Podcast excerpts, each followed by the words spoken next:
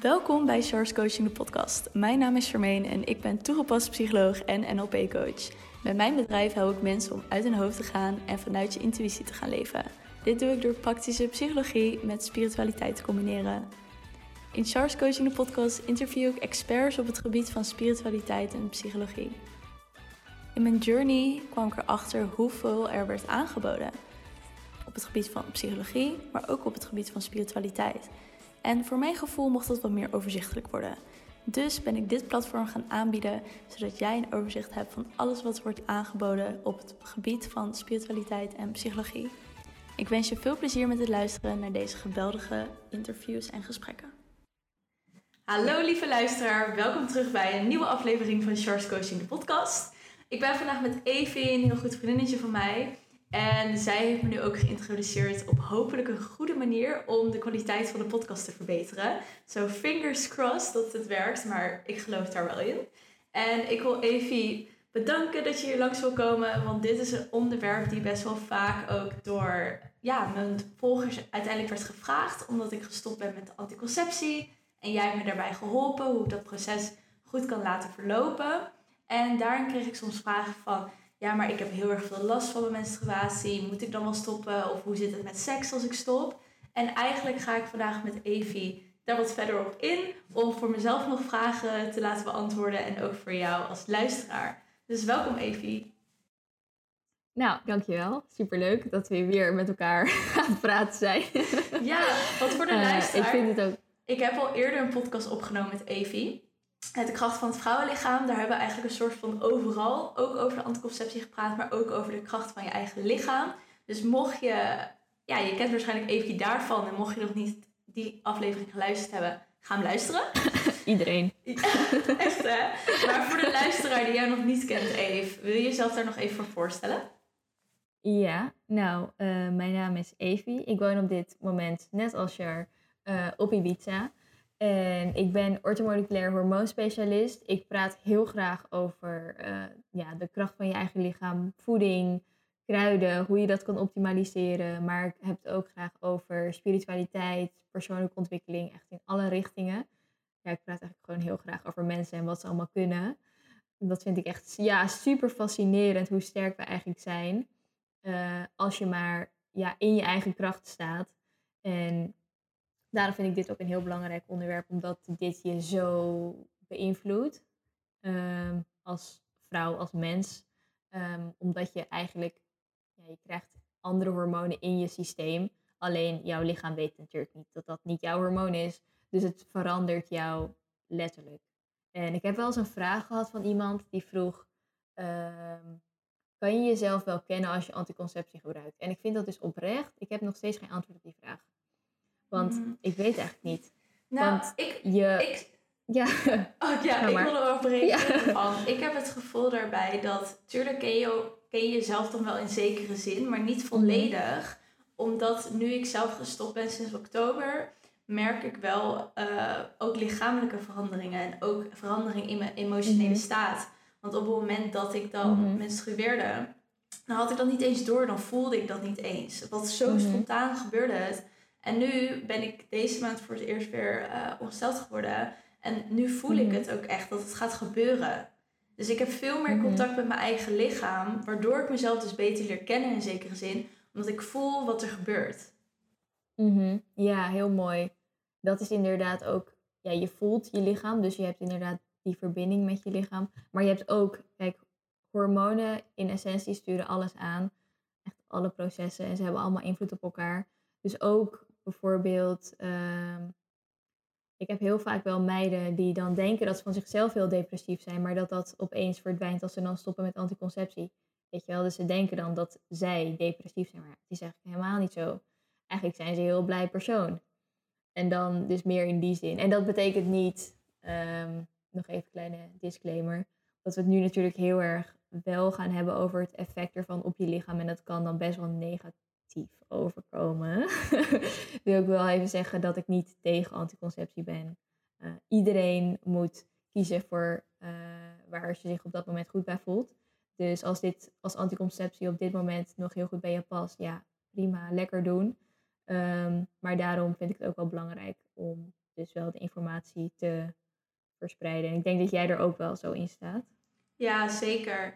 En ik denk dat dit ook inderdaad meer is dat wij willen verspreiden kennis die, ja, die ik door Evie heb gekregen en de kennis die Evie al heeft. Want wij wisten eigenlijk ook niet het effect van de anticonceptie. Dat hebben wij, ja, ik heb dan recent geleerd, jij al een paar jaar geleden. Mhm. En die mhm. kennis willen we gewoon delen. En dat betekent niet dat, je, dat het goed is of dat het slecht is of wat je nu doet goed of slecht is. Want dat bestaat niet. Het gaat er gewoon in dat we mhm. deze kennis willen delen en dat je vanuit daar kan gaan kijken hé, hey, wat zegt dat voor mij? En hoe denk ik er nu over na? Of hoe voelt dat nu voor mij dan? Ja, ja, ben ik het echt helemaal mee eens. En ik vind het ook best wel leuk dat we dit inderdaad samen opnemen, omdat dit dan mijn werk is. En jij hebt het ja, heel recent persoonlijk ervaren. Ik heb het ook zelf ervaren, maar ik heb dan weer een koperspiraal gehad. En jij hebt dan anticonceptie, zeg maar, uh, normale pil en een prikpil gehad. Dus we hebben echt uh, alles bij elkaar. Echt hoor. Heel compleet plaatje. Um, dus ja, vind ik wel mooi. Ja, zeker. een mooie intro. echt hoor. En om te beginnen wilde Evie en ik het eerst hebben over, nou Evie, over het effect mhm. van de anticonceptie op ons, op ons mhm. lichaam, misschien ook op onze mentale staat. En wat je net benoemde, ik heb ook soms mensen gehad die zich depressief voelden en dat het uiteindelijk toch mhm. door de hormonen kwamen in de anticonceptie. Zou je daar wat over willen delen? Ja, um, nou ja, om te beginnen zal ik maar heel even uitleggen hoe de pil precies werkt. Nou ja, precies. Um, hoe het zeg maar op school wordt uitgelegd dat het werkt. Um, de pil werkt uh, door. Gaan we het nu eigenlijk hebben over de pil of over hormonale anticonceptie in het algemeen? Laten we het gewoon hebben over hormonale conceptie in het algemeen. En dan heb ik het straks nog heel even kort over de koperspiraal. Dus hormonale anticonceptie, dat zijn alle vormen van anticonceptie waarbij jij hormonen in je lichaam krijgt. Dus of dat nou door Mirena-spiraal of een prikpil uh, of gewone pil is. Er komen dus hormonen in jouw lichaam die ervoor zorgen dat jouw ovulatie, dat is je ijsprong, uh, wordt onderdrukt. En dat betekent dat er dus geen ijs, eitje aanwezig is dat bevrucht kan worden, waardoor je dus niet zwanger kan worden. En er wordt heel vaak gezegd dat uh, het gebruik van anticonceptie een soort van hetzelfde is als constant uh, zwanger zijn, omdat je tijdens je zwangerschap ook geen ovulatie hebt. Um, maar dat is niet helemaal waar, omdat tijdens je zwangerschap heb je nog steeds je natuurlijke hormonen. En jouw natuurlijke hormonen, natuurlijke geslachtshormonen, zijn dan oestrogeen en progesteron. En uh, in anticonceptie zit uh, wel een oestrogeen, maar ook een progestageen. En dat is dus niet hetzelfde als je natuurlijke hormoon. En wel ongeveer hetzelfde. Dus in sommige processen neemt het wel de plek in van progesteron. Zoals bijvoorbeeld um, ja, voor het voorkomen van je ijsprong. Maar het neemt ook weer niet de plek in van progesteron in alle processen. En daarnaast is het dus anders. Dus zet het ook weer andere processen in gang die anders niet um, ja, zouden gebeuren. En dit klinkt nu allemaal super vaag, kan me voorstellen. Maar het is gewoon, als je dit hoort, heel belangrijk om te bedenken dat je lichaam zo'n ja, ingewikkeld, ingenieus kunstwerk is, waarin alles met elkaar samenhangt, dat als er dus bepaalde processen in gang worden gezet, dat dat weer invloed heeft op volgende processen, ja, en zo, enzovoort. En um, dan komen we er dus ook op uit dat eigenlijk er heel weinig onderzoek naar is gedaan. Um, we weten eigenlijk niet eens hoeveel hormonen ons lichaam precies heeft. We weten dat het er. Ja, we weten nu dat vet alleen volgens mij 500 hormonen uh, aanmaakt. Dus dat is alleen je vet, waarvan eerst werd gedacht dat dat helemaal um, ja, geen hormoonproducerend orgaan was. Dus het is, zeg maar, de onderzoeken zijn gaande, maar we weten er nog heel weinig van. Dus daarom is het ook moeilijk om te zeggen wat precies het effect ervan is. Um, maar het is dus wel belangrijk om te beseffen dat het groter is dan alleen het onderdrukken van je ovulatie en dus het voorkomen van je zwangerschap. En zal ik nog heel even doorgaan over wat progesteron normaal in je lichaam doet? Of heb je hier nog een vraag over tussendoor? Nou, ik zat ineens te denken aan het feit dat toen ik um, zelf de pil kreeg voorgeschreven, mhm. ehm, wat bij mij was de voornaamste reden ook van, oh je hebt een vriendje, dus misschien komt dat eraan, Mhm. moet je niet aan de pil. En Mhm. ik weet nog wel dat je in het doosje heb je dan zo'n lijst met bijwerkingen. En dan staat ja, één op de duizend mensen krijgt dit en één op de zoveel mensen krijgt dat. Maar ik Mhm. zat ineens te bedenken van, als je 15 bent of 16, Mhm. 14, misschien zelfs jonger, en je krijgt dat, maar iedereen neemt het, dan, ik was niet bezig met de bijwerkingen. omdat Nee, mensen lezen dat helemaal niet. Nee, want het kan er wel op staan. maar ja, leuk, iedereen neemt het, dus het zal vast wel goed zijn. Mhm. En dat ik eigenlijk ook vind dat op het moment dat jij dus ehm, de pil voorgeschreven krijgt of overweegt om anticonceptie te nemen, zal het heel erg al een verschil maken als je bijvoorbeeld, waar we het al een keer volgens mij over hebben gehad, een handleiding krijgt of een boekje met hey, dit is hoe je lichaam werkt, dit is wat jouw anticonceptie dan doet en wat de gevolgen daarvan kunnen zijn. Dus je eigenlijk het proces meekrijgt zoals jij het nu Ja, uitlegt. dat, dat moet gewoon. Ja, want dat- dat is veel beter begrijpbaar. Ja, als het zo zou gaan, dan zouden we deze podcast waarschijnlijk niet eens hoeven maken. Want dan zou iedereen die anticonceptie eh, gebruikt, daar bewust een keuze voor maken. Wat ook prima is, weet je wel. Maar ja, dat gebeurt nu gewoon niet. En mensen denken dat het alleen maar ja, makkelijk is en leuk. En dat het alleen maar verbetering is van je kwaliteit van leven. Terwijl het voor heel veel vrouwen gewoon ja, precies het tegenovergestelde is. En ehm, daarom, daarom is dit dus belangrijk. Ja, want oké, als ik het dus goed begrijp, je hebt dus progesteron, je hebt oestrogeen, Mhm. dat maak je natuurlijk aan. En op het moment dat je een Mhm. hormonale anticonceptie neemt, dan wordt er extra oestrogeen aangemaakt en heb je dus nog iets anders wat lijkt op prostrogeen, maar dat niet is. Oké, ja, ongeveer. Ehm, normaal maak je dus oestrogeen en progesteron aan. En op het moment dat je anticonceptie... Oké, wacht. Normaal maak je dus oestrogeen aan vanaf het begin ehm, van je cyclus. Dus zeg maar dag 1 van je menstruatie zijn allebei je hormonen laag. En dan gedurende je cyclus, eh, in de eerste helft van je cyclus, gaat oestrogeen stijgen. Als oestrogeen op het hoogste punt is, dan heb je je ovulatie. En vanaf je ovulatie komt progesteron er ook bij. En oestrogeen daalt dan supersnel. En progesteron gaat dan supersnel stijgen in de tweede helft van je cyclus. En vlak voor je menstruatie gaat progesteron ook weer dalen. En dan wordt je bloeding ingezet. Ehm, en als je anticonceptie, hormonale anticonceptie gaat gebruiken, dan krijg je dus een progestageen die constant hoger is ehm, ja, dan het oestrogeen. En dat zorgt er dus voor dat je eh, helemaal geen progesteron meer hebt. Zeg maar, je natuurlijk progesteron is helemaal weg.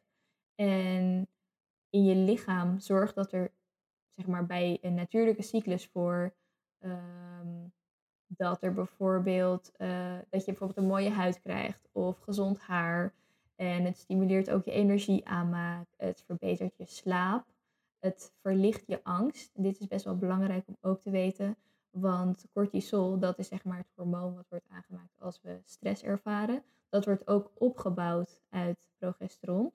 Dus als er geen progesteron is en je ervaart wel eh, stress, dan kan je lichaam het eigenlijk niet oplossen, waardoor je constant hoge stresslevels hebt, waardoor je dus ook misschien sneller gaat huilen of sneller eh, geprikkeld bent of oververmoeid raakt. Want het put natuurlijk ontzettend je hele systeem uit als je constant, zeg maar, vol in de, nou ja, vlucht. Sorry, ik zit nu even Nederlands-Engels termen door elkaar te halen. Maar is het nou vechten, vlucht en, en Eh, ja, eh, eh, ja, ik zeg ook altijd in Engels gewoon fight or flight nou, iedereen snapt dit. Ja, als je dat dus constant ervaart, dat is een ontzettende uitputting van je lichaam. Progesteron zorgt er ook voor dat je goede botten en spieren kan opbouwen. Kan, zo, goede botten en spieren kan opbouwen. Ehm, het zorgt er ook voor dat auto-immuunziektes kunnen worden voorkomen. En ehm, nou ja, echt nog veel meer. Dus al deze processen, die dus door progesteron worden gestimuleerd of in gang worden gezet, die veranderen dan. Ik zeg niet dat je lichaam het niet op een andere manier nog steeds zou kunnen oplossen door iets te compenseren. Maar hoe het normaal zou gaan, op een natuurlijke manier, dat gebeurt dan niet meer. En eh, als je op een voor een langere tijd anticonceptie gebruikt, dan ga je dit ook wel merken, meestal. De meeste vrouwen merken het wel.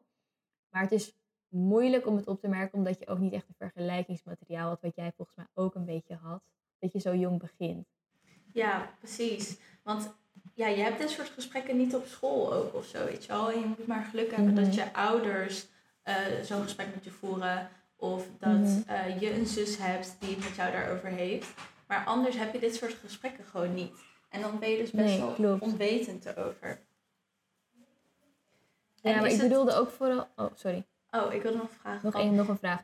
Dat het moeilijk is om te vergelijken, zeg maar, uh, voor en na. Want je neemt het vanaf ja, je vijftiende tot je twintigste, 22ste, 30ste, 50ste, maakt niet uit. Maar je weet dus niet echt wie jij bent zonder dat je de pil slikt. Dus je weet ook niet echt, je kan niet zeggen van, oh ja, ik, ik heb nu minder energie of ik ben nu gestrester, want je bent het altijd al. Dus het is niet, snap je? Daarom is het moeilijk om, ja, om te denken of om erachter te komen wat de reden is of dat je überhaupt last ervan hebt. Want ik hoor ook heel vaak ehm, van vriendinnen die dan bijvoorbeeld stoppen. Mijn vriendinnen die komen niet bij mij voor een consult. Als mensen bij mij komen voor een consult, dan weten ze dat ze er last van hebben. Dus ik verwijs nu heel even naar vriendinnen die dan stoppen omdat hun relatie over is. Die dan opeens zich veel beter voelen. En dan denk je van, oh, maar huh, ik, was, ik voelde me dus eigenlijk slecht, maar ik had het niet door, omdat ik me altijd al zo voelde. En dat maakt het ook lastig. Ja, maar dat is ook, Ja, maar dat, is, dat had ik op een gegeven moment met de pil. Dat ik toen echt super erge mood swings kreeg en van alles en mhm. nog wat. En toen ben ik het wel... Toen zei iemand dat volgens mij, dat het misschien door de pil kon komen. En toen ben ik overgestapt naar de prikpil, omdat daar minder mm hormonen in zaten dan de gewone pil, mm dat ik las. Maar überhaupt stoppen kwam niet eens meer op. Ja. Dus dat is ja, ook dat, een verschil. Dat is ook een ding. Ja, je denkt er ook niet aan, want iedereen gebruikt ook anticonceptie. Nou ja, weet je, ik vind het dus heel grappig, want toen ik, laten we zeggen, ach, nou ja, 15, 16, 17, 18 was, toen dacht ik echt, iedereen gebruikt de pil of een Mirena. Echt iedereen. Er is niemand op deze aardbol die dat niet doet. dat is helemaal niet zo. Echt, de laatste tijd kom ik alleen maar mensen tegen die dus niet, zeg maar, door mij stoppen of zo. Of niet bij mij komen met een probleem. Maar die ik gewoon ontmoet in het leven. Die ook gestopt zijn met anticonceptie. En dan denk je van ja, als ik dit had geweten, had ik misschien nooit de koperspiraal uh, genomen. Oh ja, trouwens, moeten we het nog heel even over hebben. Koperspiraal. Um, want de koperspiraal bevat dus geen hormonen. En daar, daarom denken heel veel mensen dat het dan een betere optie is dan uh, ja, hormonale anticonceptie. Want dan heb je in ieder geval niet de nephormonen in je systeem en hou je nog je normale cyclus. Um, wat in a way ook wel zo is. Um, want de koperspiraal werkt zeg maar zo dat het koperionen afgeeft ja, in je baarmoeder. Uh, en dat zorgt er dus voor dat de sperma ons, ja, onschadelijk. is een beetje een slecht woord. ja, onvruchtbaar wordt gemaakt. En het, als dat dan, mocht dat misgaan, uh, dan voorkomt het ook dat het eitje kan innestelen. Uh, en dat maakt het volgens mij de veiligste anticonceptie die er is. Dus de minste zwangerschappen komen voor bij gebruik van koperspiraal. Maar uh, het geeft dus wel koperionen af in je bloed. En ik heb, dit, ik heb hier dus over nagedacht. En ik heb zelfs aan mijn huisarts gevraagd. Mijn huisarts zei van, nee, ja, je lichaam heeft gewoon ook koper normaal van nature in, ja. Je lichaam bevat van nature ook koper, dus extra ionen zijn niet erg, die zou je gewoon uitplassen. Maar dat is dus niet zo. Uh, je lichaam heeft van nature ook koper, dat klopt. Maar uh, een grote hoeveelheid koper zorgt voor een vergiftiging. En ik denk dat zo de definitie van gifstof is sowieso een bepaalde stof in te hoge hoeveelheid in je lichaam. Um, want er is niet echt een andere definitie voor gifstoffen. Dus koper in een hoge hoeveelheid in je lichaam is vergiftiging. Eigenlijk krijg je een soort van bloedvergiftiging. Uh, maar je lichaam wil dat niet. Uh, ja, dus die wil niet de gifstoffen in je bloed hebben. Dus dat gaat opslaan in je cellen, in je vetcellen en in je lever. En um, dan krijg je dus eigenlijk, hoewel je een kopervergiftiging hebt, krijg je eigenlijk de symptomen van een kopertekort, omdat je lichaam alles uit je bloed gaat halen. En dat zorgt weer voor heel veel symptomen als nou ja, eigenlijk alles wat ik net noemde, waar progesteron voor zorgt, dat heb je dan niet meer. Dus je kan heel angstig worden, haaruitval, slechte huid, uh, depressief, heel vermoeid, de hele tijd spierkrampen, hele heftige menstruaties. Uh, nou, dat eigenlijk allemaal kan je ervan krijgen. Je hoeft het niet te krijgen, maar nou ja, het is gewoon best een redelijk grote kans dat je het wel krijgt. Dus ja, want je. Dit, dit stuk toch ook uit eigen ervaring? Omdat ja, ik had hier ook zelf allemaal last van. Ja, ja ik had hier dit ook echt. Maar ik had het dus ook niet door. Omdat, kijk, ik wist dus wel dat hormonen niet goed voor je waren. Hoewel ik er weinig, nou ja, het was nog niet bewerkt, maar ik had wel iets nou over nagedacht. Daarom had ik ook een koperspiraal gekozen. En ik kreeg overal last van heel erg darmklachten, heel erg vermoeid, slechte huid, terwijl ik dat nooit eerder had gehad. Nou, super heftige menstruaties. Ik lag echt op de grond te creperen van de pijn gewoon. En uh, je verliest superveel bloed, daar word je natuurlijk ook heel vermoeid van. Maar daarnaast, dus dingen die niet rond mijn menstruatie gebeurden, had ik nooit gelinkt aan de koperspiraal. Omdat ik dacht, het kan niet slecht zijn. Het kan dat ding niet zijn, want er zit geen hormoon in en koper is niet slecht. En mijn huisarts zegt dat het goed is. Dus het ligt aan mij. Het zit in mij dat ik dit heb. Ik heb misschien een burn-out. Ik heb misschien te hard gewerkt. Ik heb weet ik veel last van trauma's. Allemaal aan mij. Maar dat was helemaal niet zo lang verhaal kort. Toen ik dat dingen verwijderd, twee maanden later voelde ik me echt een stuk beter. Wel een hele heftige detox. Hier moet je wel oprecht op letten. Uh, want met anticonceptie kan je er in principe nog wel mee wegkomen als je een goed uh, voedings- en beweegpatroon hebt kan je nog wel je lichaam natuurlijk detoxen. Maar met koperspiraal moet je dat echt serieus aanpakken. Uh, omdat anders, omdat de koperionen zitten niet in je bloed. Die moeten echt vrijkomen uit je vet en uit je lever. Dus hier zou ik wel echt even contact opnemen met een professional. Ook niet alle diëtisten of hormoonspecialisten hebben hier ervaring mee. En die detox is echt, nou, dus ga naar Evie. zwaar. Ja, je, ik wil even geen promo voor mezelf maken, maar echt, uh, ik help je met alle liefde. Want die detox is echt heel zwaar. Je wordt echt weer heel ziek, omdat alles dus in je bloed komt. En als je die gifstof, gifstoffen dus niet kan afvoeren, um, ja, dan, dan krijg je alle symptomen nog erger terug.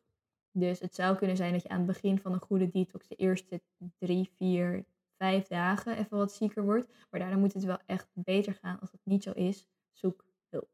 Ja, en wat maakte...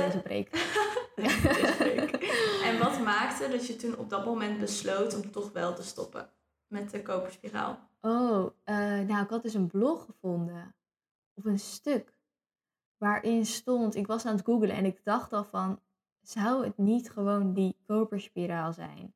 En ik had al elke keer had ik op internet gezocht naar een soort van bewijs dat het dit kon zijn, maar kon steeds niks vinden. Toen op een avond, volgens mij, nou, volgens mij was ik dus bij mijn ouders en volgens mij was ik ook ongesteld. En mijn moeder of mijn vader, iemand had gezegd van, huh, maar dit had je vroeger niet. En ik was zo van, nee, van die fucking koperspiraal heb ik dit nu. En toen, ging ik, toen was ik, zat ik er zo doorheen dat ik toch maar nog een keer ging googlen. En toen vond ik één artikel waarin al mijn symptomen werden nou ja, in een rijtje werden gezet. En dat was echt een rijtje waar je zo doorheen moest scrollen. Het was echt sad, omdat ik alles had. en uh, toen las ik dat. Nou, toen had ik gelijk volgende ochtend huisarts gebeld. Gelukkig kon ik die middag nog terecht. Dus uh, volgende dag dingen uitgehaald. En dit verhaal, uh, ik heb dus ook een eigen podcast, weer promo naar mezelf. maar ja, ik heb dus wel eens verhalen op, uh, zeg maar, interviews opgenomen met vrouwen die ook koopvergiftiging hebben gehad. Die hebben het ook allemaal gehad. Uh, en die hebben, zijn er ook zo achter gekomen. En um, die zijn ook allemaal heel snel hersteld nadat de koperspiraal weer is verwijderd. En het zijn echt, die hebben nog heftigere dingen dan ik. Dus als ik dat dan hoorde, dacht ik van, oeh, viel eigenlijk nog wel mee.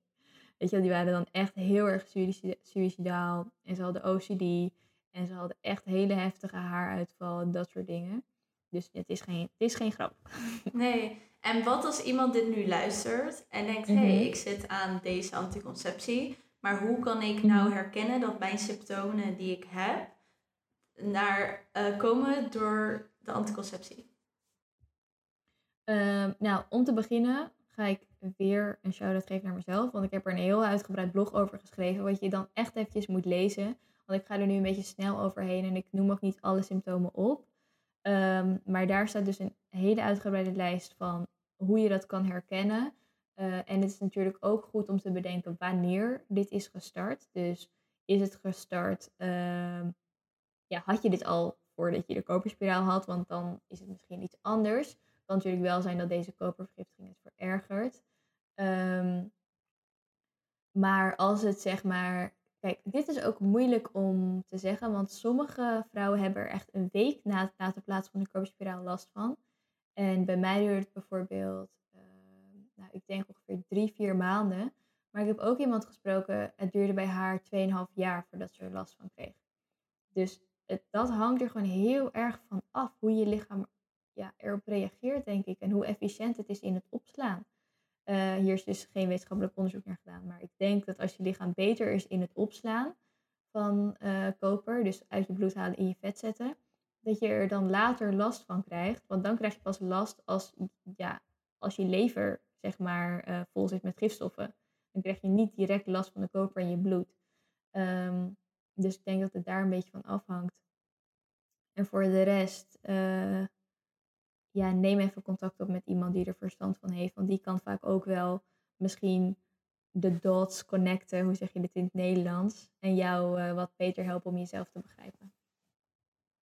Ja. En voor alles wat eh Evie net benoemde, komt allemaal in de show notes te staan. Haar blog, haar podcast, haar eh, website. Ja. Dus don't worry. Oké, dus om dit stuk even samen te vatten van het effect. Als ik het goed begrijp, heb je dus bij Wacht, de wacht, ik Oh, nog ja. één ding zeggen. ja, Het vertel. zorgt er ook voor, het zorgt er ook, dit is heel belangrijk. Het zorgt ervoor dat ehm, vitamines, mineralen en eh, vetzuren niet goed kunnen worden opgeslagen of worden uitgesche- uitgescheiden. Eh, en dat zorgt dus voor Ik tekorten. dat je zeggen uitgescheten. Nee. Bijna. Uitgescheiden. Eh, en dat zorgt dus voor tekorten in vitamines en ehm, mineralen. En bijna alle symptomen, ziektebeelden, zijn ehm, terug te leiden naar een tekort aan eh, vitamines, mineralen, vetzuren of metalen. Dus ehm, op die manier zorgt het ook weer voor ja, heel veel symptomen. En de vitamines en mineralen die dus het snelste ja, worden afgeschei- af, afgescheiden. Is dat een woord? Wor- worden afgescheiden door je lichaam. Zijn alle B-vitamines, eh, dus zeg maar B-complex. En vitamine C. En dan heb je ook magnesium, zink eh, en omega-3, het vetzuur. Dus het is wel belangrijk dat je dat op zijn minst aanvult als je ehm, anticonceptie gebruikt. Nog, wat ook heel belangrijk is, ga niet zomaar ehm, zink bijslikken. Want het zou dus kunnen zijn dat je een andere eh, zware metalen vergiftiging, dus een veel aan een ander zwaar metaal hebt. En eh, dan kunnen je bijwerkingen, symptomen dus heel erg worden verergerd. Dus begin eerst met de andere dingen, zodat je lichaam een beetje wordt ontgift. En doe dan pas eh, de zink erbij. Iedereen notitieboekje Klaar. erbij pakken. Oké, Ja. dus Ja, het is wel heel belangrijk, want heel veel Ja. mensen gaan zomaar zink slikken. En dan krijg je echt, je, en je lost niks op, en je wordt ziek. Dus Ja, eh onthoud dit. Ja. Ja, very important. Take notes, Mhm. people. Oké, dus we hebben deze afscheiding van de vitamines en mineralen, eh, die dus Mhm. niet op, goed opgenomen worden. We hebben het over de koperspiraal gehad, vooral namelijk uit jouw Mhm. ervaring ook en de verhalen die jij hebt gehoord. Wat het met je lichaam kan doen en dat je een kopervergiftiging kan hebben. En we hebben het ook gehad over p- prostrogeen en oestrogeen, volgens mij progesteron, Mhm. toch? Progesteron, ja. Ja, dat. Als je die twee hormonen hebt. En op het moment dat je dus een anticonceptie neemt, dat die eh, onderdrukt worden of dat die niet meer aangemaakt worden. Ja. top. Nice. En op het moment dat je dus stopt, je benoemde net al van eh, dat jij een detox hebt gedaan, dat dat bijvoorbeeld bij de koopspiraal heel erg belangrijk is. Ik heb toen ook Mhm. met jou hierover gehad. Toen heb jij een mooi schema voor Mhm. mij gemaakt. Welke mineralen ik erbij mag nemen, omdat ik geen Mhm. oestrogeen meer aanmaakte, toch? Progesteron. Oh, de ander, sorry. Ja. Dat ik die dus niet aanmaakte. En dat Mhm. ik door middel van eh, omega-3 en al die andere kruiden... eigenlijk dat weer vanzelf op gang kon brengen daarmee. Mm, ja, heel, heel kort gezegd is dat we ongeveer eh, ja, hoe, dat, hoe je dat kan zien. Eh, het komt inderdaad, nou ja, als je dus stopt met de pil, dan heb je geen ovulatie. Dus er wordt geen progesteron aangemaakt. Maar je hebt wel oestrogeen. En in een natuurlijke cyclus zou je dus een balans hebben tussen oestrogeen en ehm, ja, progesteron. Alleen omdat progesteron er niet is, heb je relatief veel te veel oestrogeen. En je hebt oestrogeen ook, ja, kan in, op drie manieren worden afgebroken.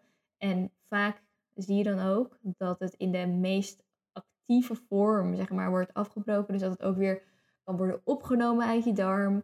En dat dan is, heb je een soort van, ja, spiraal naar boven. Dus een negatieve spiraal naar boven.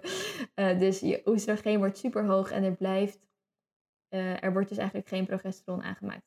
En door je lichaam weer wat meer in balans te brengen, dus door de tekorten die zeg maar zijn ontstaan tijdens het gebruik van anticonceptie weer wat aan te vullen, eh, kan je lichaam eigenlijk zelf oestrogeen op een betere manier afbreken. En je kan je lichaam ook wel stimuleren om het in de minder actieve vorm af te breken.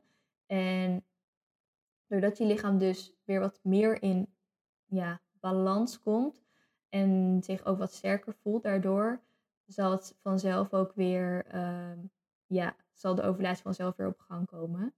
Want eigenlijk het enige wat je kan doen voor je lichaam is de stress in je lichaam zoveel mogelijk verminderen, zodat het zelfhelend vermogen van je lichaam weer actief wordt, zodat je lichaam zichzelf eh, kan genezen.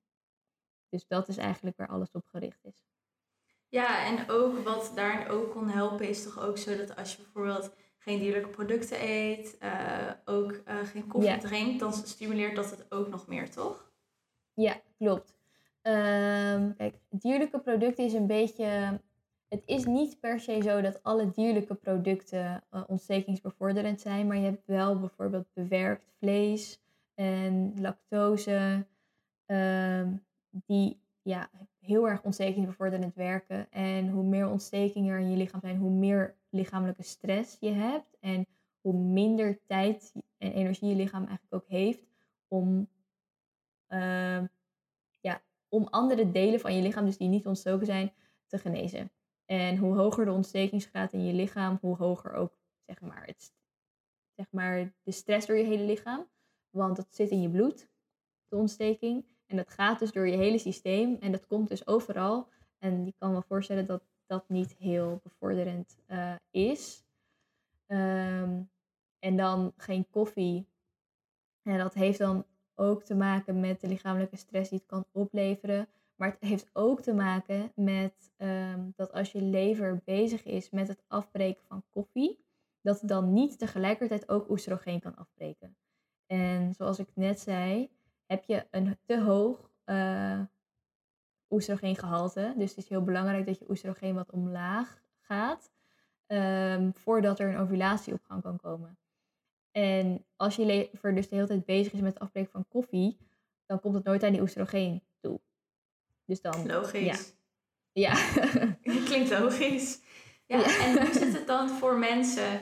Want die bericht, ik kreeg daar berichten over. Toen dacht ik, ja, ik ben single, dus ik ben daar niet heel Mhm. erg mee bezig. Maar op het moment dat je bijvoorbeeld een relatie hebt en eh, dus wil stoppen, hoe doe je dat dan met seks? Nou, dat is, daar heb ik wel ervaring mee. Want ik ben gestopt toen ik nog een relatie had. Ja. Echt ook dat vingertje, En- jullie zien ja. het niet meer. Er staat echt zo'n vingertje op. Oh, ik, kan ik kan hier wat over vertellen. ik weet dit.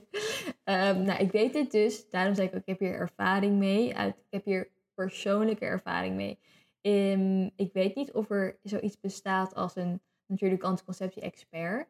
Ehm, vraag ik me echt af, maar dat ben ik dus niet. Dus ik kan dit vertellen vanuit de verhalen die ik heb gehoord uh, van mijn cliënt, hoe zij het aanpakken en hoe ik dit zelf heb aangepakt. Maar ik heb dus zeg maar ja, drie methodes die ik tegelijkertijd gebruik om te weten wanneer ik ovuleer. En op die uh, manier uh, weet ik dus wanneer ik vruchtbaar ben. En op die momenten heb ik dus geen of beschermde seks. En dat is waar de hele methode op is gebaseerd. Dus hier komt die. uh, sowieso goed om te weten dat. Ja, sowieso goed om te weten dat jij als vrouw maar 24 uur in een cyclus uh, vruchtbaar bent. Maximaal. Um, dus dan heb je zeg maar je uh, ijsprong en dan is het eitje in je baarmoeder. Dus als er dan op dat moment uh, ja, sperma bij komt, dan kan er dus een bevruchting plaatsvinden en dan kan je zwanger worden. De reden waarom je heel vaak ziet dat als je bijvoorbeeld je menstruatie uh, trekt in een app, zie je vaak dat je een soort van fertile window, ik weet niet echt hoe dit in het vruchtbaar, vruchtbare dagen, denk ik dat dat de beste vertaling is, um, hebt, is omdat uh, sperma vijf dagen in je baarmoeder overleeft.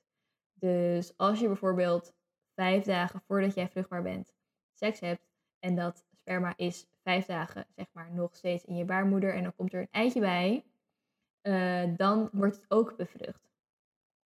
Dus je hebt zeg maar een gemiddeld, hè? Dit is gemiddeld voor een vrouw.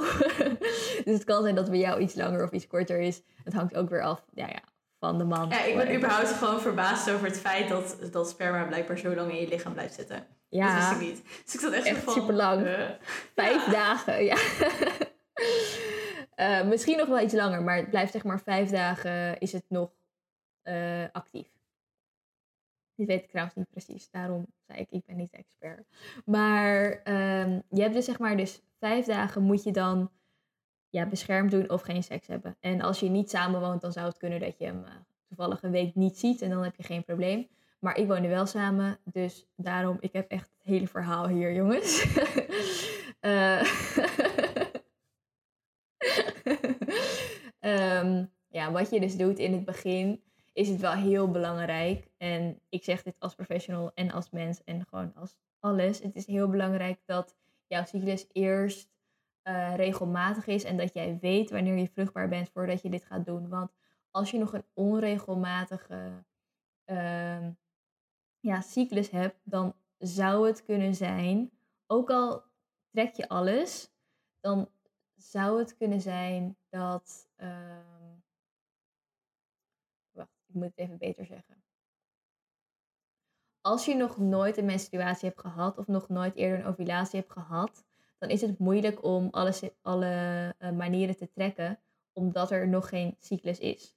Maar de ovulatie komt voor de bloeding. Dus je kan zeg maar vruchtbaar zijn voordat je überhaupt een menstruatie hebt gehad.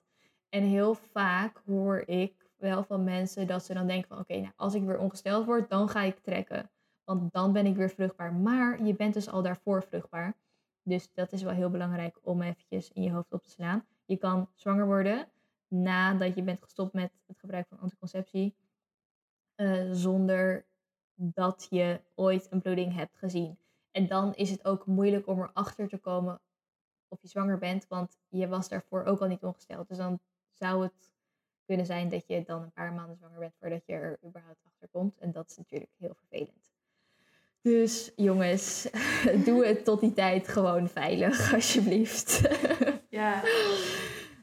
um, en heb je daar nog vragen over trouwens? Want ik ga nu even deep dive in wat ik dan doe. Om erachter te komen wanneer je. Um, ja, ik heb wel een vraag, maar misschien kom je er zo nog op.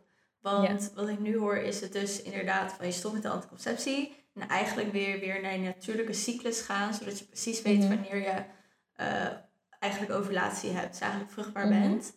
Maar stel je voor dat duurt soms even, een paar maanden voordat dat gebeurt. Is het dan mhm. zo dat je dan beter maar überhaupt geen seks kan hebben? Omdat een condoom eigenlijk ook niet super veilig is. Want dat is ook maar voor 95% of zo. Terwijl de kans ook nog steeds aanwezig dat je zwanger kan zijn. Ja, mm, nou, goede vraag. Maar ik heb zelf wel seks gehad met condoom. Want als je in een relatie bent... als je een relatie hebt, dan kan ik me ook voorstellen dat, het, dat je gewoon graag seks wil hebben. Daarbij komt je libido helemaal terug. Wat heel erg onderdrukt wordt door uh, anticonceptie. Dus dat heb jij volgens mij ook ervaren. Ja, dus, zeker. Ik zat al helemaal dus, hier van schudden van. Dus als je denkt dat je helemaal niet zo wild ervan bent, weet je wel, stop met anticonceptie, dan komt het vanzelf allemaal weer terug. Ja, maar echt hoor. Dus uh, ja, ik heb het zelf wel met condooms gedaan. Ik heb wel. Uh, ja, ik weet niet. Bij mij is het ook zo nooit gebeurd dat hij is afgegleden of is gescheurd of zo. Dan zou ik misschien wel echt een beetje ja, stress of zo hebben gehad. Nou, weet je wat je... Je moet sowieso... Oké, ik ga hier straks een beter antwoord op geven. Maar... Ik weet niet, moet ik nu... Ik kan toch niet afraden dat mensen seks hebben, gewoon in het algemeen. Dat zou echt super raar zijn als ik dat zou doen. nee, maar ik denk wel dat het mooi is om te beseffen van... Het is niet zo dat je geen seks kan hebben... Maar wel dus dat er een kans is dat je zwanger nou, raakt. weet je, dat is de... Oh. Weet je wat wat, wat, ik, komt hier dus een antwoord op. Lichaamstemperatuur meten en de rest bijhouden. Want op dat moment weet je wel wanneer je vruchtbaar bent, ook als je dus nog nooit uh, een bloeding hebt gehad. Want als je je lichaamstemperatuur opmeet elke ochtend, als je nog in bed ligt, voordat je iets hebt gedaan, voordat je, voordat je nog een keer hebt omgedraaid, voordat je je telefoon hebt gecheckt, voordat je naar de wc bent geweest, meet je je ochtendtemperatuur. En dan merk je dat als je vruchtbaar bent, dat je temperatuur dan 0,2 tot 1 graden Celsius uh, stijgt. En als het dus gebeurt, dan weet je dat je een ovulatie hebt. En um, je temperatuur blijft ook hoger als je uh, op dat moment zwanger raakt. Dus mocht je het niet goed hebben getrekt, je temperatuur, maar wel af en toe, en je hebt onbeschermd op seks gehad of met condoom seks gehad, maar er is iets misgegaan. En je meet je temperatuur nog een keer en je ziet dat die overduidelijk hoger is dan die daarvoor was. Ja, dan, uh, nou ja, dan moeten alle Surprise! Ja. dus dat zou dan ja, een manier zijn. Dus, dat is dus de reden waarom volgens mij sommige mensen, vooral in relaties, uh, zitten van nou, dan hou ik maar de anticonceptie. Omdat het toch die ja, je moet het hele proces nog doorheen gaan om het weer op gang te brengen. Dat het natuurlijk is en dat je precies weet hoe het balt. En daar hebben de meeste mensen gewoon geen zin in. Dan was dan denken, oh, maar stel je voor dat het wel gebeurt. Ja, dat snap ik. Ja, ik snap het ook wel. Ik snap dat ook wel. Maar aan de andere kant, nu ik het heb gedaan, snap ik het totaal niet. Want het levert je zoveel op. Mij, nee. Het heeft mij zoveel opgeleverd en mijn vriend destijds was ook echt helemaal voor het stoppen. En hij vond me ook echt veel leuker, want ik was echt niet zo'n leuk persoon. Want ja, je wordt helemaal anders. Uh, daarna hij heeft het ook nooit een probleem gevonden. Ik heb dus ook oprecht nog nooit van iemand gehoord dat haar vriend het een probleem vond dat ze stopte. Um, dus mocht je daar bang voor zijn, ja, ik heb, het is gewoon in mijn wereld, in mijn realiteit, zijn er dus nul mannen die dit stom vinden. Omdat ik praat er ook soms wel, ja, ik deel er ook veel over op Instagram. Dus veel jongens gaan ook wel met mij het gesprek aan of vragen advies bijvoorbeeld voor hun vriendin. Ja, super lief. Ja, ik vind het echt helemaal top. Uh, maar ja, die vinden dat dus ook allemaal helemaal super logisch dat je ziek wordt of last hebt van die anticonceptie. En ze vinden het helemaal niet erg om dan uh, een paar uur per week want meer dan dat zal het niet zijn, een condoom te dragen. Daar hoef jij niet je hele leven voor op te offeren. Nee, en ik had ook wel eh. gelezen dat sommige mensen zeiden van ja, juist daardoor ga je ook nieuwe dingen met elkaar uitproberen. Weet je wel, je hoeft niet telkens echt gewoon de penetratie te hebben om het leuk met elkaar te hebben of ja, dat soort dingen met elkaar te doen. Dan ga je juist heel erg creatief worden. Ja, dat denk ik ook wel. Ook omdat je zoveel meer open erover bent en je nou ja, ik was, voor mij was het wel iets waar ik over sprak. En hij stelde er ook vragen over. En dan ga je op die manier verbind je ook veel meer met elkaar. En jullie verbinden allebei ook met jouw lichaam. Op een hele andere manier. Maar dat is toch weer een soort van nieuwe dimensie. En daardoor gaat heel veel schaamte die er misschien eerst was, kan ook weggaan. uh, het, je wordt sowieso uh, ja, makkelijker omdat je er dus vaker over praat. En je merkt dat hij ook dingen accepteert. Want dat is volgens mij ook wel een dingetje dat, dat meiden, vrouwen zich schamen voor, nou ja, überhaupt menstrueren of zo. Ja, ik hoor wel best wel vaak van, ja, als je dan ongesteld bent, ja, moet je dat dan zeggen of niet? Weet je wel, nou ja, als je gaat stoppen met anticonceptie, dan praat je daar gewoon over. Dan is het helemaal geen ding meer. En dan, dat, dat is echt een opluchting. Gewoon Ja. voor jou. het is zo relatie. gek als dat je het zelf gek maakt. Als jij er gewoon normaal en open over Ja. Dan gaat iemand Mhm. anders er ook op zo reageren. Omdat je die energie gewoon uitzendt. Van, oh, Ja, ik ben net ongesteld geworden. Dus ik had één verhaal. Oh, dat is een verhaal, dat is heel grappig. Ik ga het gewoon delen. Ik had dus een keer dat ik op een festival was met mijn vrienden. Maar alleen maar jongensvrienden. En eh, nou, super gezellig. Wij terug naar de trein om naar, eh, naar huis te gaan. En ik zit bij een van die vrienden op schoot. En ik ben met de rest van de jongens aan het praten. Mhm. En ik sta op en ik zie dus een rode vlek op zijn broek. En ik zo, fuck, Oh. ik ben ongesteld geworden. Dus ik keek naar zijn broek en ik keek naar hem. En hij zo, wat is er? Ik zo, ik ben ongesteld geworden op je broek. En hij keek echt zo naar zijn broek en hij zo, oh, oké. En ze hield, ging zijn schouders op Hij zo, oh, oké, ja, kan ik iets voor je doen? Ik zo, nou, nee, ik moet gewoon even naar de wc. En alle andere jongens, oh, maakt toch niet uit. Het is toch gewoon grappig. Maakt toch niet uit. Je echt te schamen. Het is toch een mooi verhaal weer en zo. Ja, dus dat was wel echt heel fijn dat zij er gewoon heel normaal over deden. Maar als zij op dat moment dus hadden gedaan van... Oh, dat is echt vies of raar. Eeuw. Dan ineens voel je ineens Ja. awkward voor een heel natuurlijk proces. Want ik kon er niks aan doen. Het gebeurde gewoon. Ja. ja, ik vind dit een best wel echt een heel mooi verhaal. En ik heb echt nog honderd verhalen die precies zo zijn. En ni- niet per se uit persoonlijke ervaring of dat ik dat heb me- meegemaakt. Want dit lijkt me dus wel best wel erg. Ik bedoel, dit is altijd waar meiden zo moeilijk over doen. Als, als, je, tegen, ja, als je met een meidengroepje praat, dan is het altijd van... Oh mijn god, ben ik doorgelekt? Oh mijn god, ik ben ongesteld. Oh mijn god, ik kan geen witte broek aan. Oh mijn god, dit. Oh mijn god. Weet je wel? echt zo. Alsof het echt het ergste in de wereld is. Maar ik merk dus eigenlijk met alle... Misschien is het ook omdat ik dus praat met de mannen die erover willen praten. Hè, dit kan. Maar dat mannen er zo relaxed over doen. Dat zegt zoiets van, ja, elke vrouw heeft dat toch? Ja, is toch gewoon normaal? Ik denk van, ja, Ja, weet is je dat wat grappig normaal? is dat je dit zegt? ja. Ik had dus eh, op Netflix zag ik een documentaire voorbij komen. Ik weet even niet meer hoe die heet, want ik heb echt maar 10 minuten ervan gekeken. Mhm. En het was over, eh, ook over menstruatie, maar dan in India in de cultuur. En toen vroegen ze dus ook aan de jongens van... Ook. Ja, eh, weet je wat dat is? Ja, en toen zeiden de jongens, ja, dat is een of andere ziekte die alleen vrouwen krijgen, toch? Ja, dat besmettelijk stuk heb ik is. ook gezien. Ja, dan krijgt ze ik echt hoofd en dan worden ze moe. Ja, echt van... Van wat? Dus ik vind eigenlijk over dit onderwerp is het niet alleen de vrouwen en de jonge meiden die hier meer over mogen leren, maar ook de mannen. Want Ja, ja, als jij geen zus hebt Zeker. of vriendinnen die hierover praten met jou als man, Mhm. hoe moet je dan erover weten dat, hoe dat proces gaat of waarom dat kan gebeuren Ja. of dat iemand inderdaad doorlekt op je schoot? Ja, ja, ik vind dat ook wel. eh, kijk, het is natuurlijk voor iedereen, voor alle mensen. Want alle vrouwen, eh, alle vrouwen menstrueren en alle mannen kennen wel een vrouw die menstrueert. Ja, het, het, is gewoon zo. dus ehm, ja, ik vind het ook. Kijk, uiteindelijk eh, begin je natuurlijk wel. Is het makkelijker om te beginnen met het onderwijzen van vrouwen in de zin van dat vrouwen er echt mee te maken hebben, dus dat je direct er iets aan hebt.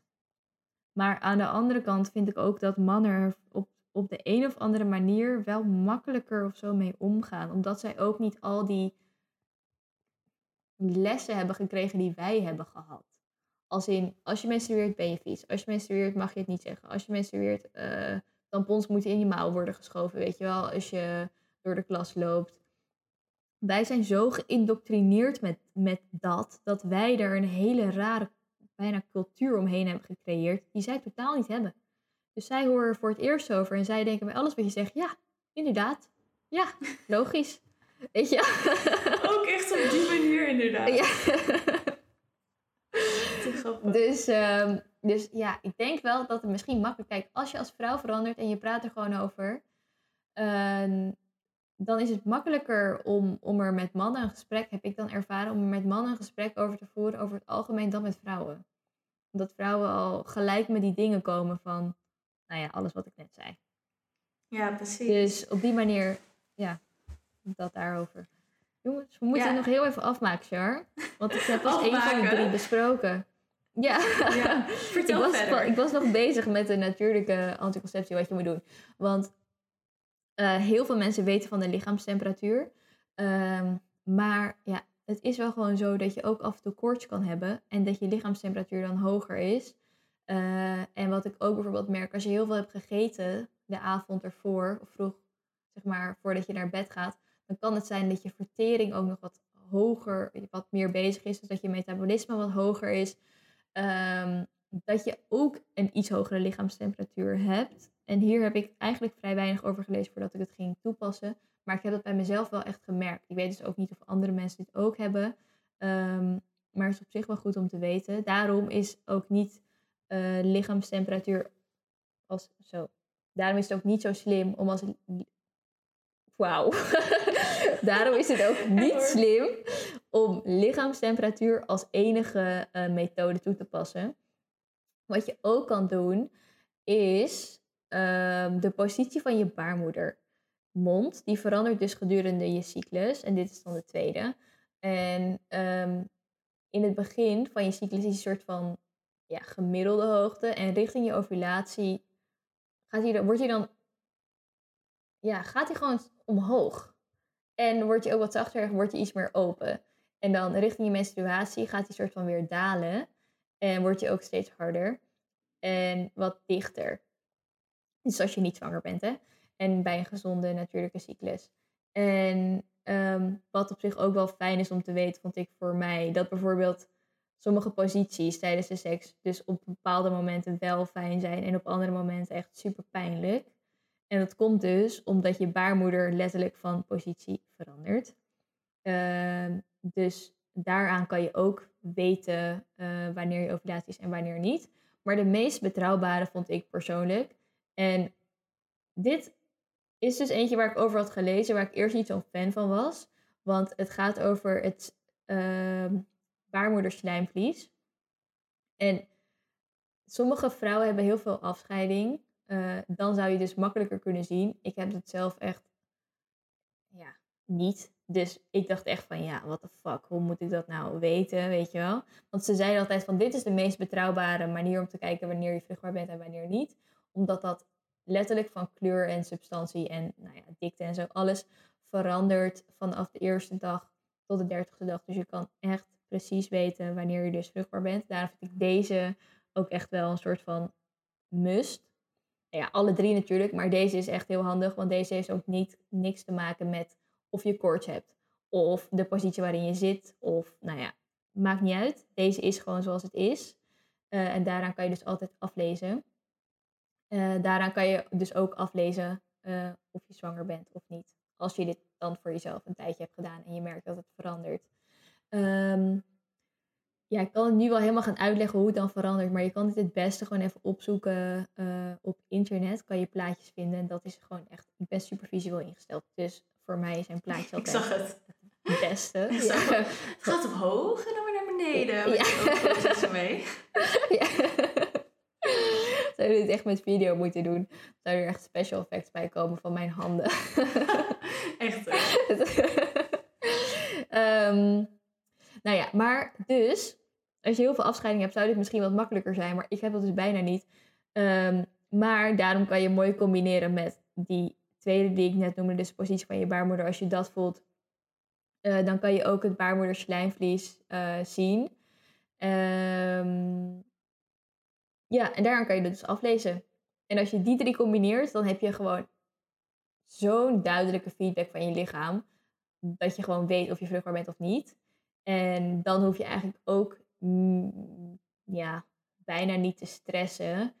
ehm, zeg maar over wanneer je wel of geen seks kan hebben. Of je drie maanden lang dan geen seks kan hebben. Want je weet dan gewoon wanneer je vruchtbaar bent. Of aan het worden bent. Als je dat eh, voor jezelf bijhoudt. Ik zou het wel echt aanraden om het gewoon met condoom te doen. totdat je cyclus een paar maanden, zeg maar, hetzelfde is. En je echt je eigen signa de signalen die je lichaam jou geeft heel goed kan lezen. Want dat kan ook nog wel eens een beetje ja, variëren. Dus je lichaam kan wel een normale, gezonde cyclus hebben. Maar als je zelf niet de signalen goed kan interpreteren, is dat nog wel een tweede. Dus investeer hier gewoon even een middag aan om dat goed uit te zoeken. En dan ga je het proberen. En dan alle vragen die je hebt, kan je ook weer opzoeken. Zodat je echt het heel goed leert snappen. Want ongewenst zwanger worden en dan, nou ja, de consequenties daarvan is ook. Nou, ik weet niet. Ik weet, ik weet dus niet hoe het is, maar het lijkt me vreselijk. Dus ik wil niemand bang maken, maar uh, leer gewoon je lichaam begrijpen. Ja, mooi. En wat ik ook nog wil zeggen als toevoeging van... Ik zag er laatst een TikTok over, over afscheiding. Dat jongens dat heel raar mhm. vinden. En daarvoor wil ik dus mhm. zeggen van afscheiding is echt hartstikke normaal. Dus als je een mhm. meisje bent en je voelt je hier, of een vrouw en je voelt je over beschaamd of zo, dat je veel afscheiding hebt. Het is normaal. Dus doe er normaal over, zodat iemand anders, als je een relatie hebt, ook gaat inzien dat het normaal is. Of als je met ja, een jongen het is dus ook echt heel normaal. Het is heel normaal. Het is, ja, het is echt heel normaal. En het verandert ook met wat je eet, uh, ja, hoe je je voelt, hoeveel je sport. Uh, je, gedurende je cyclus verandert het. Dus gedurende je leven verandert het ook weer, als in uh, richting de menopauze, premenopauze, dat soort dingen. dus het is echt, ja, ik weet niet. Kan er ook super aan aflezen, zoals ik net dus zei. Want ja, misschien was het dan ook niet heel goed dat ik zei van ja, ik heb het bijna niet. Want dan wordt ik nu echt zo iemand waarvan ze dan denkt van oh, maar zij is goed. Maar dat is dus niet zo. Het is gewoon één lichaam, oké? Ik heb maar één lichaam. Dit is het voor mij. Uh, wat jij hebt is normaal. Want dat krijg ik ook heel vaak. Van, is het normaal dat ik dit heb? Ja, het is normaal. Jij hebt het. Jij bent een mens. Het is dus natuurlijk. Want jij hebt het. Dus het is normaal. Ja, precies. En, Alleen bij iedereen is het anders, want iedereen heeft een ander lichaam en reageert weer anders op dingen. Dat betekent niet dat mhm. jij anders bent, maar dat betekent dat je lichaam anders functioneert, maar het is nog steeds normaal. Mhm. Ja, en iedereen is normaal. Dat is het hele ding. Dus alles wat je kan hebben, het is normaal en het is niet raar en je kan er vragen over stellen. En het is niet jouw schuld ook, het is gewoon zo. Precies. Dus, ja. ja, mooi. En als je dit nu even kan samenvatten over de natuurlijke anticonceptie. Ja, wat zijn dan dus die drie dingen? Om even uh, samen te Lichaamstemperatuur, baarmoeder, uh, slijmvlies en positie van je baarmoeder. Oké, top. Dus, en dat check je gewoon. Ja, dat kan je Elke dag checken. Ja. ja. Sowieso dus voor de eerste paar maanden. Ja, nou sowieso gewoon altijd eigenlijk. Maar, want anders weet je het niet, want het kan weer veranderen. Weet je wel, want het kan, het kan dus zijn dat je een keer een menstruatie overslaat. Als je gestrest bent of als je verhuist of weet ik veel. Kan van alles gebeuren. Uh, dat je een keer een menstruatie overslaat. Of je kan een keer uh, wat kortere cyclus hebben of wat langere cyclus. Daarom is het dus belangrijk dat je het elke dag checkt. Einde. Punt. Niks meer aan toevoegen. Top. En voordat we hem afsluiten wil ik het nog over één ding hebben. Want ik had dat mhm. vanuit jou ook in mijn story gedeeld op Instagram. Mocht je ons trouwens nog niet volgen, volg ons op Instagram, show notes. En ik heb daarin gedeeld uh, over dat als je menstruatie heel pijnlijk is, of je hebt, verliest heel veel bloed of iets mhm. dergelijks, dat dat niet normaal is. Dat is iets waar jij echt mhm. zo achter staat. Dat is niet normaal om dat te hebben. Terwijl dat wel, dat wordt dus wel als normaal gezien. Dat je inderdaad super veel buikpijn hebt, of rugpijn, of migraine of iets dergelijks. Mhm.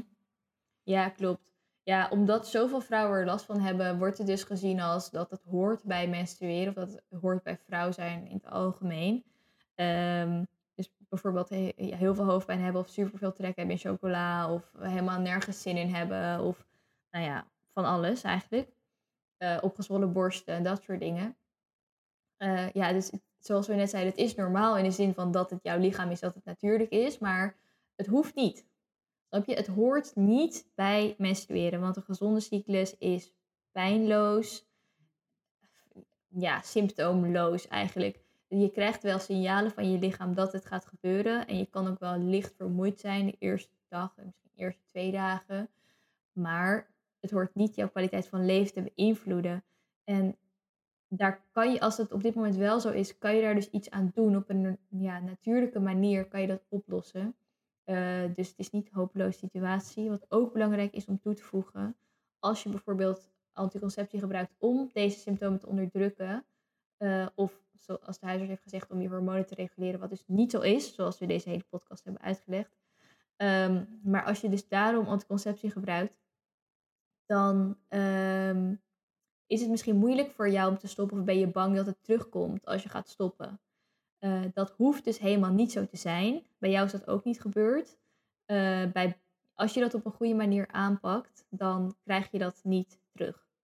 En dit is heel belangrijk. Dus laat je daar niet door tegenhouden als je wil stoppen. Als je niet wil stoppen, dan stop je niet. Maar als je wel wil stoppen, maar je bent bang dat je heftige bloedingen of heftige pijnen of uh, depressie rond je menstruatie of hele pijnlijke borsten of migraine, allemaal dat soort dingen. Als je bang dat je dat terugkrijgt, uh, laat dat geen reden zijn, want dat is gewoon op te lossen.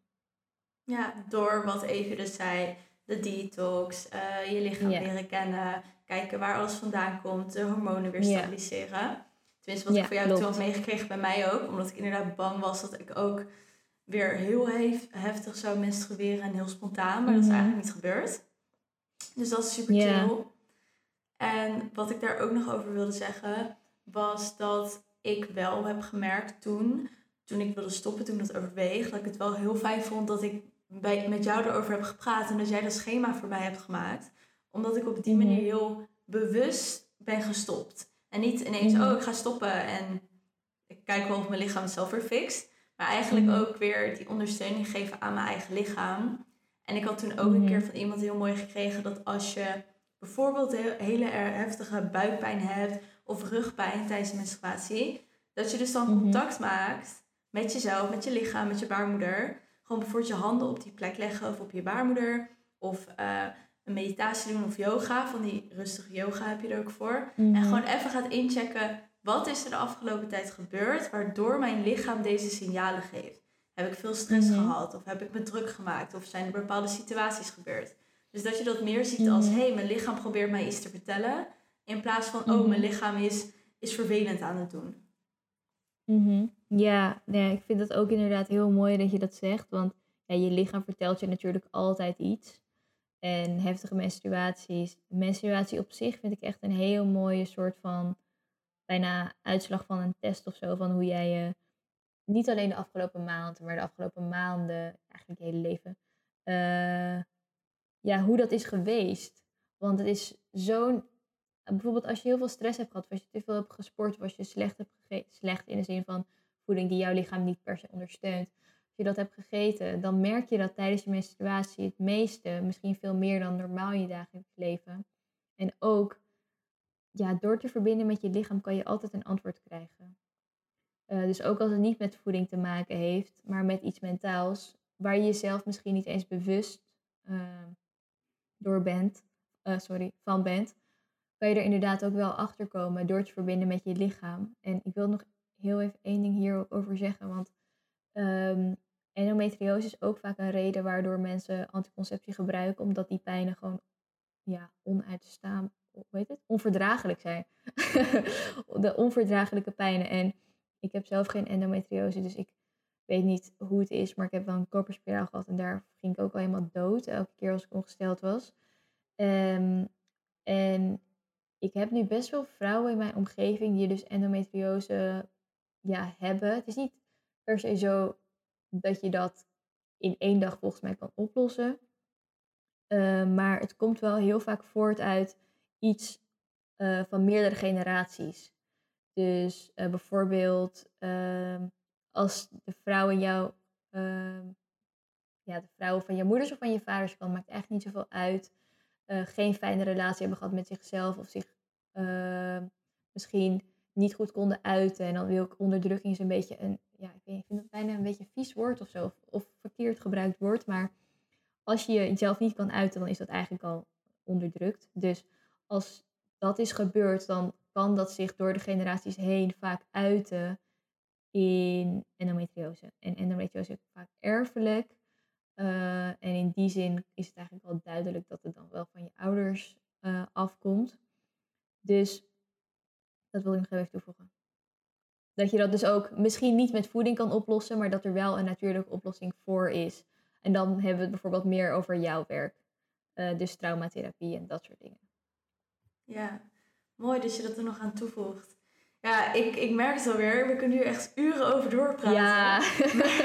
ik denk dat we beter maar kunnen afsluiten. Ja, ik mocht denk je na het luisteren, Mocht je als luisteraar na deze podcast denken... Oh, ik heb echt nog duizend vragen hierover. Stuur even even een uh, ja, mijn vraag DM. door. Ja, mm naar DM's. Of stuur mij even een berichtje en zeg... hey, ik heb eigenlijk nog best veel vragen aan Evie. Kunnen jullie nog een mhm. podcast opnemen? Dan doen we dat met alle liefde. En wat ik ook nog hierover wil zeggen is... Mocht je dit dus overwegen om te stoppen... en je hebt nu informatie, maar je denkt... Hmm, ik weet nog steeds niet echt precies hoe ik dit nou best kan aanpakken... Ga dan inderdaad professionele hulp zoeken. Ga naar Evi toe als je met Evi heel goed kan viben. Of ga naar iemand anders toe die er verstand van heeft. Want je hoeft het niet alleen te mm. doen. En je kan je beter maar even erin verdiepen en echt ondersteuning erbij hebben. Dan dat je maar zelf een beetje gaat aankloten. En dat het dan ja, eigenlijk niet meer heel zo soepel loopt als het, het had kunnen lopen. Ja, klopt. Want heel vaak, ja, kijk, het is natuurlijk mijn werk. En dan komen er dus ook vaak soort van, ik weet niet of dit extreem is of normaal, maar veel vrouwen die bij me komen, die zijn dan ook al een jaar of langer gestopt en die hebben dan al een jaar, dus die symptomen dan uiteindelijk komen ze nog. Weet je wel, dus je kan dat ook vanaf de eerste dag goed aanpakken, zodat je jezelf een jaar lang lijden letterlijk bespaart. Ja, dus, beter voorkomen dan genezen. Ja. En ga naar iemand inderdaad bij wie, wij, bij wie jij je fijn voelt. En of ik dat nou ben of iemand anders, dat maakt echt niet uit. Ehm, maar zorg in ieder geval dat je ja, goede, steun, goede steun vindt hierin. Ja, Want precies. dat verdien je.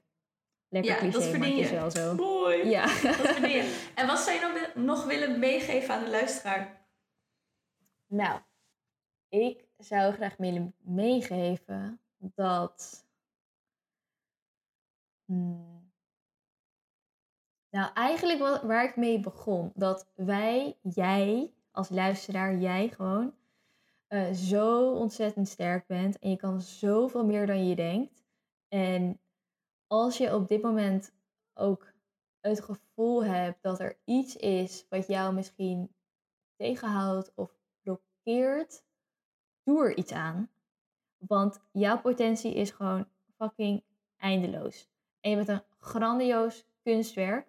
En iedereen die iets anders zegt, die liegt. Mag je echt een klap geven? Um, dus daarom is het gewoon belangrijk dat jij dat zelf ook inziet en dat je jezelf vertrouwt en um, dat jij doet wat nodig is voor jezelf. Ja, ik wil niet zeggen om de beste versie van jezelf te zijn. En dat is zo vaak gebruikt, maar het is echt zo. Ja, je bent dus al de beste versie van jezelf, maar je mag die laten zien. Ja. Die zit al in jou, die beste versie. Ja. Ja. Dat en trouwens, even nog een soort van disclaimer. Dat over die klap was natuurlijk een grapje voordat iemand dat ziet. Ja, ja, je mag niemand slaan. Jongens, wereldvrede. Nee, don't support that. Je weet het nooit. Nee, maar, maar ik bedoel niet meer kunstwerk. Van, kijk, dat is mooi, Het is gewoon, ja, en dat ben je gewoon. En soms kan het door, of door dingen die je zelf vertelt, of door dingen die anderen je vertellen, kan je dat gewoon eventjes vergeten. Maar het is gewoon tijd om dat te herinneren. En uh, dat, dat wilde ik zeggen. Remember dat je een grandioos yeah. kunstwerkje bent. Nice. en mocht je deze podcastaflevering hebben geluisterd en hem super tof vinden, deel hem dan al vooral met je vrienden, ook de jongens of je vriendjes, maar ook je zusjes, je moeders. Met iedereen deel deze podcast, want deze kennis mag gewoon echt verspreid worden. En ja, mocht je denken van, yo, sure, Evie, we vinden het super leuk, maak er nog eentje. Let us know. Weet je wel, stuur ons een DM via Instagram. Ja, en laat ons weten. op een onbewoond eiland. Ja, dan uh, op ons onbewoond eilandje zullen we dan uh, nog een aflevering maken. En ik wil jou heel erg bedenken, bedanken, Evie, voor, uh, voor deze informatie. En ja, dat je, dat je dit met ons hebt gedeeld. Nou, graag gedaan. Dankjewel dat ik hier mag zijn. En iedereen heel erg bedankt voor het luisteren. Ja, dat ook. Heel erg bedankt. En uh, ja, wil je de girls supporten voor de podcast? Uh, laat dan even een recensie achter op iTunes of geef 5 sterren. Daardoor is die beter vindbaar. En ik heb afgelopen, ja, vandaag een mail gekregen dat we in de top 21 zitten van zelfontwikkeling. En ja, dat is super tof. Dus help ons. Ja, gefeliciteerd. ik wilde mijn mond houden tijdens je outro, maar ik ga even mengen. Ja. Thanks, ja, echt super tof. Het is gewoon heel leuk, want uh, ja, ik spreek gewoon heel veel toffe mensen. En ja, ik ben ook bezig om steeds kwaliteit bezig te maken. Dus ik ben heel erg benieuwd hoe deze podcast is geworden met geluidskwaliteit. En ja, laten we gewoon meer kennis delen met de wereld. En meer mhm. vreugde en meer blijheid. En ja. Oké. Okay. Alright, dus super thanks voor het luisteren. En ik spreek je weer in de volgende podcast. Doei doei. Dat was de aflevering alweer. Ik wil je heel erg bedanken dat je tot het einde hebt geluisterd. Mocht je deze aflevering super leuk hebben gevonden, deel hem dan vooral met je vrienden. Je helpt mij ook door een review achter te laten op iTunes. Op die manier wordt de podcast nog meer zichtbaar. Tot de volgende aflevering.